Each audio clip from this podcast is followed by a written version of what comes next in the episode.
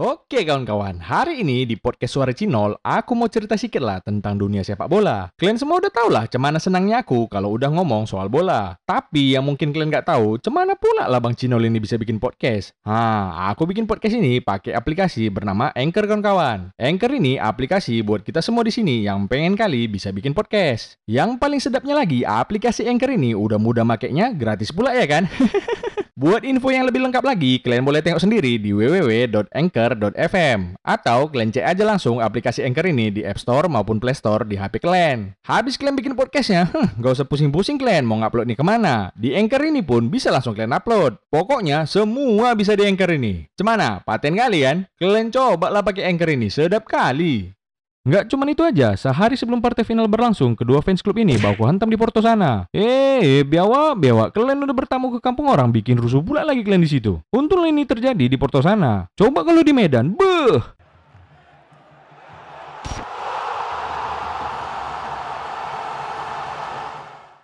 Oke kawan-kawan, hari ini aku mau cerita sedikit lah tentang final UCL yang udah selesai kemarin itu.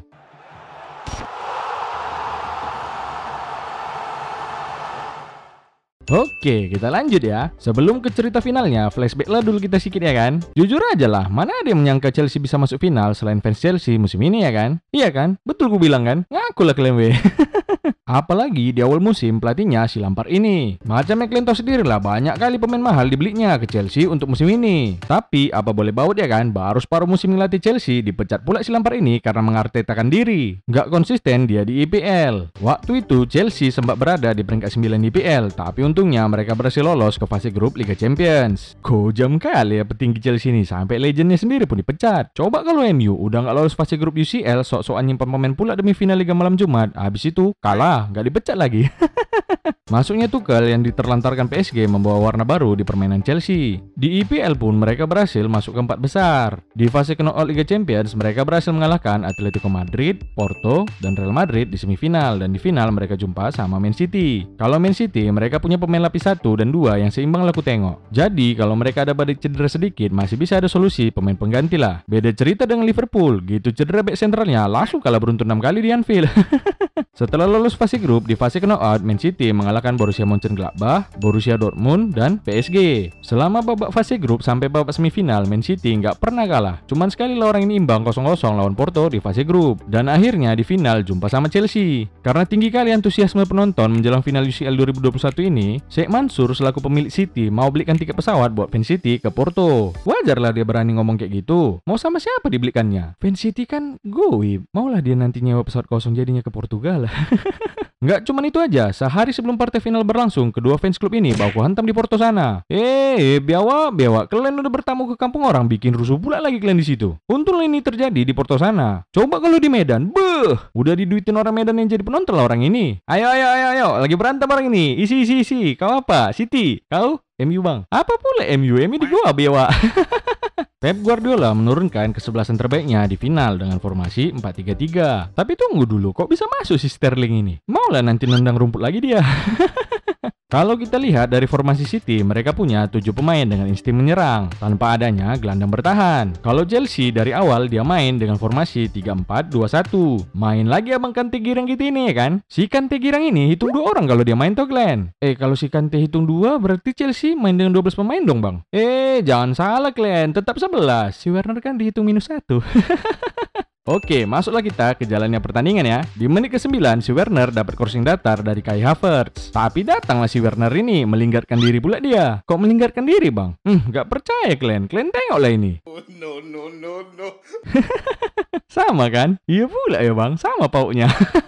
Habis itu di menit ke-13 si Werner bertingkah lagi. Udah dikasih umpan bagus-bagus di syutingnya ke tengah pula. Eh, biawa, biawa entah cemana si Werner ini. Selolah nol, yang penting kan on target. Kalau cuma perkara on target, jangan kan kau, siapa itu pun dari bangku cadangan sana bisa dibikinnya syutingan on target. Tapi on target ke biawamu. Di menit ke-14 balik lagi si Werner ini bertingkah. Tadi nggak kena, sekarang emang kena, tapi ke samping.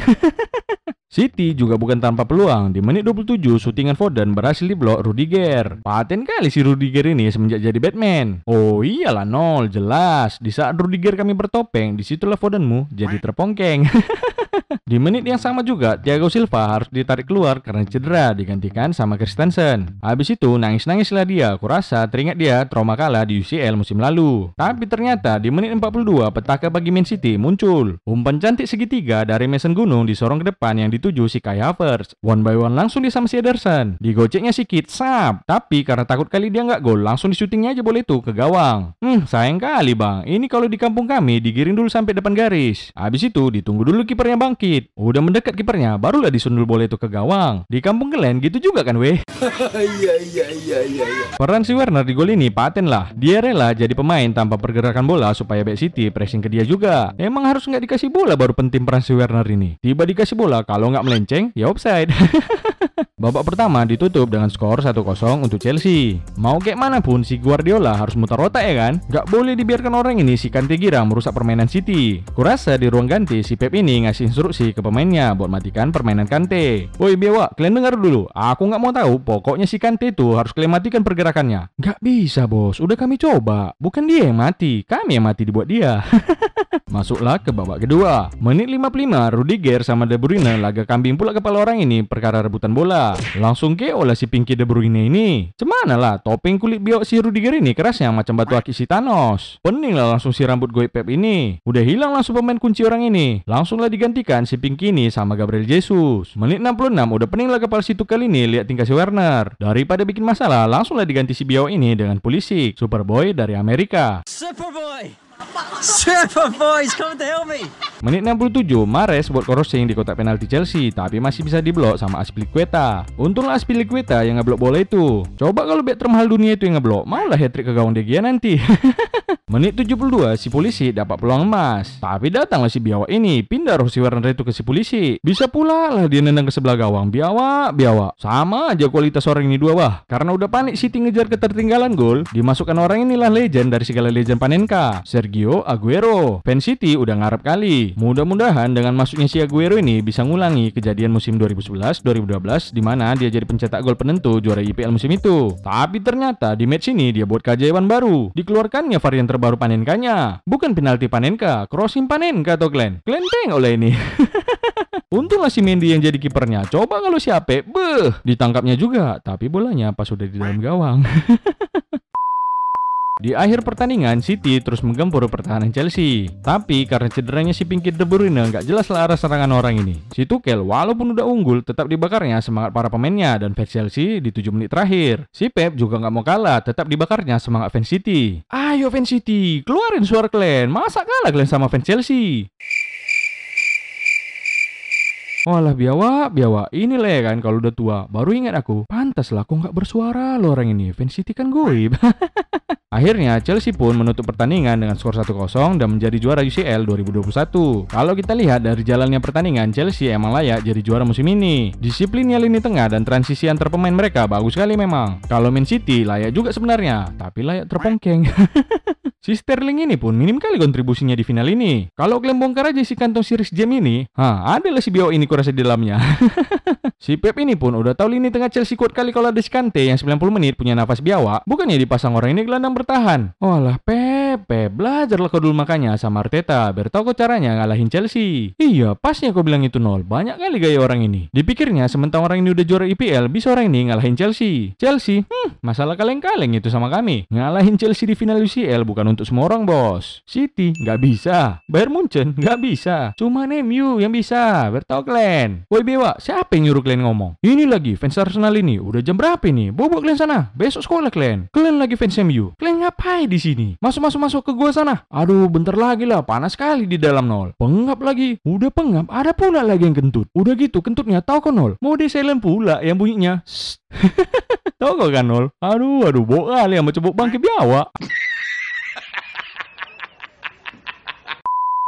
Abang Kante Girang pun dinobatkan sebagai man of the match di final UCL ini. Inilah enaknya nengok si Kante Girang ini ya kan. Udah mainnya paten, orangnya low profile pula. Tengoklah pas di pengalungan medali, semua pemain Chelsea sibuk kali cium-cium piala. Tapi kalau dia, tengoklah cuma dipegangnya aja piala itu. Tahu kalian kenapa nggak mau diciumnya piala itu? Kenapa bang? Manalah dia mau? Orang banyak kali bekas jigong orang di situ.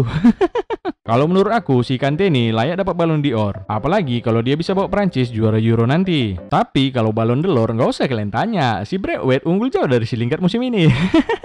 Kalau menurut kalian layak nggak si Kante ini dapat balon d'Or? Coba kalian tulis di komentar. Kurasa ya kan nggak ada orang di dunia ini yang benci sama si Kante. Kalau ada orang yang benci, kupastikan orang itu pernah dikantongi sama dia. Makanya bisa keluar slogan semua orang sayang Kante. Tapi kalau semua orang sayang Kante, terus yang sayang sama aku siapa? Kai Havertz yang juga jadi penentu kemenangan Chelsea di final ini patut diapresiasi penampilannya. Awal musim gak jelas sekali arah main si Biawa ini di bawah Swansea Lampard. Tapi waktu Tuchel datang betul bagus sekali anak ini mainnya. Kan betul kan yang ku bilang selama ini? Sama si Lampard gak nyambung orang ini ngomong karena si Werner sama Havertz. Gak bisa bahasa Inggris. Aku salvo juga sama pacar si Kai Havertz ini. Seperti laki-laki pada umumnya, apalagi yang dikerjakan kalau udah ada nengok yang gemes-gemes gini ya kan? Jadi intel lah langsung melakukan pengumpulan informasi melalui Instagram. Sokap nih. Terus ku searching-searching lah namanya kan. Sophia Ame. Oh ini. Yah, protek pula. Follow aja lah dulu ya kan. Biasanya yang protek-protek gini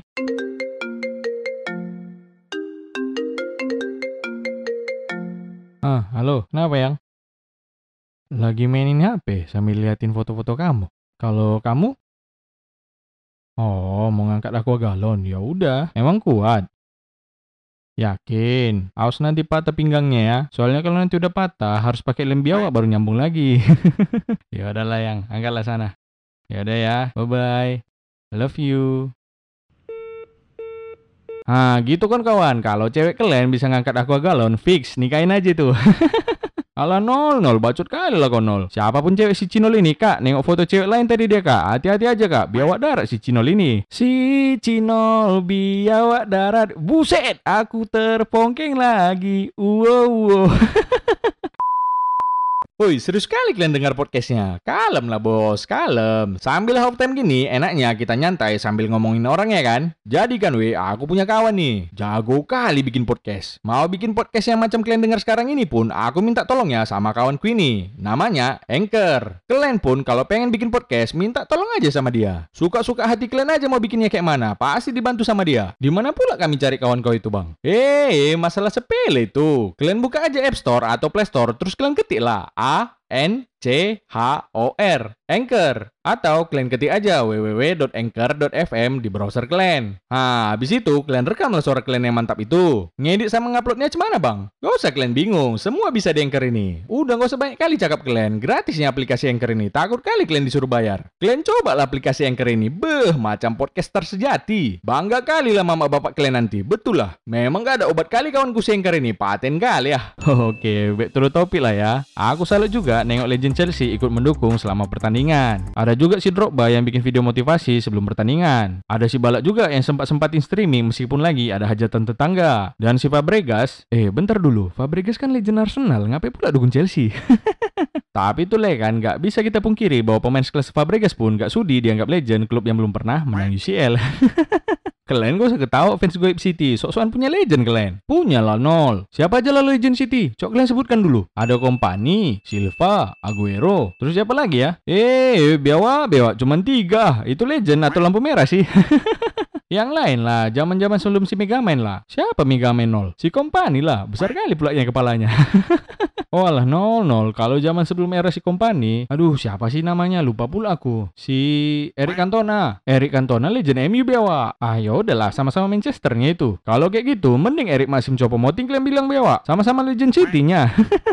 Ini lagi si Aguero, katanya bakalan di City sampai juara UCL. Tapi udah ke Barca pula dia sekarang. Emang malang kali lah nasib si Aguero ini. Final Copa America kalah, final Piala Dunia kalah, final UCL juga kalah. Gak malu kau bang sama si bocil Berster yang udah pernah dapat gelar UCL? Ya enggak lah nol, setidaknya aku nggak pernah degradasi macam dia. Alah, bacot lah bang. Kau dulu bilang bakalan stay di City sampai juara UCL. Sekarang belum juara pun udah cabut kau ke Barcelona. Mau ngapain? Ku kasih tahu lah samamu ya bang. Capek-capek kau di situ, cuman jadi pelapis Martin Braithwaite nih nanti. Lord Braithwaite mana lah tergantikan ya kan?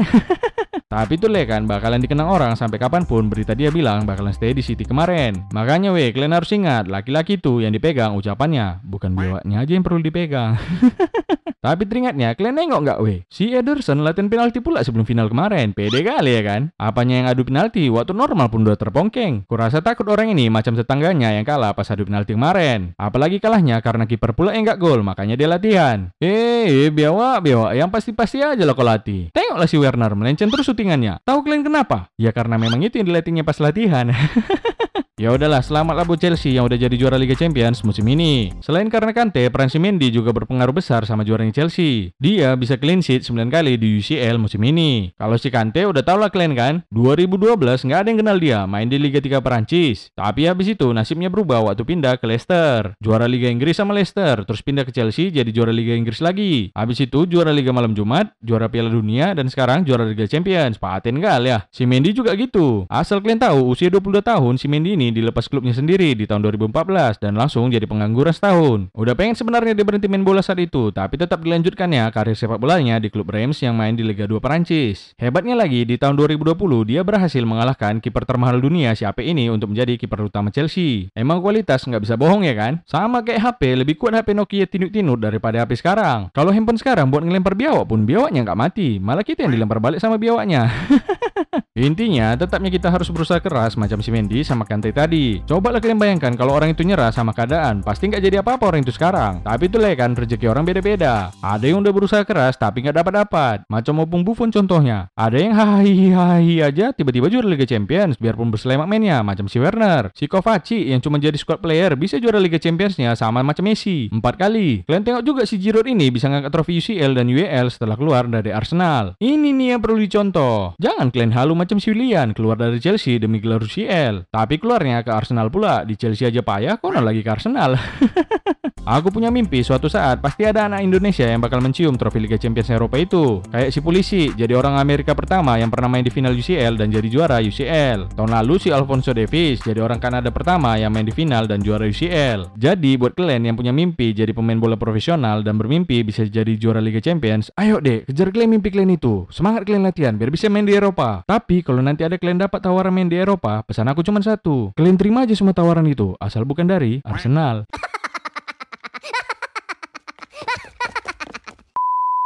Ya udahlah itu aja lah cerita dari aku. Udah dulu ya we Mau klarifikasi dulu aku ke rumah adik itu. Gara-gara kalian lah ini. Ketahuan aku stalking-stalking cewek Memang biawak kali kalian. Dadah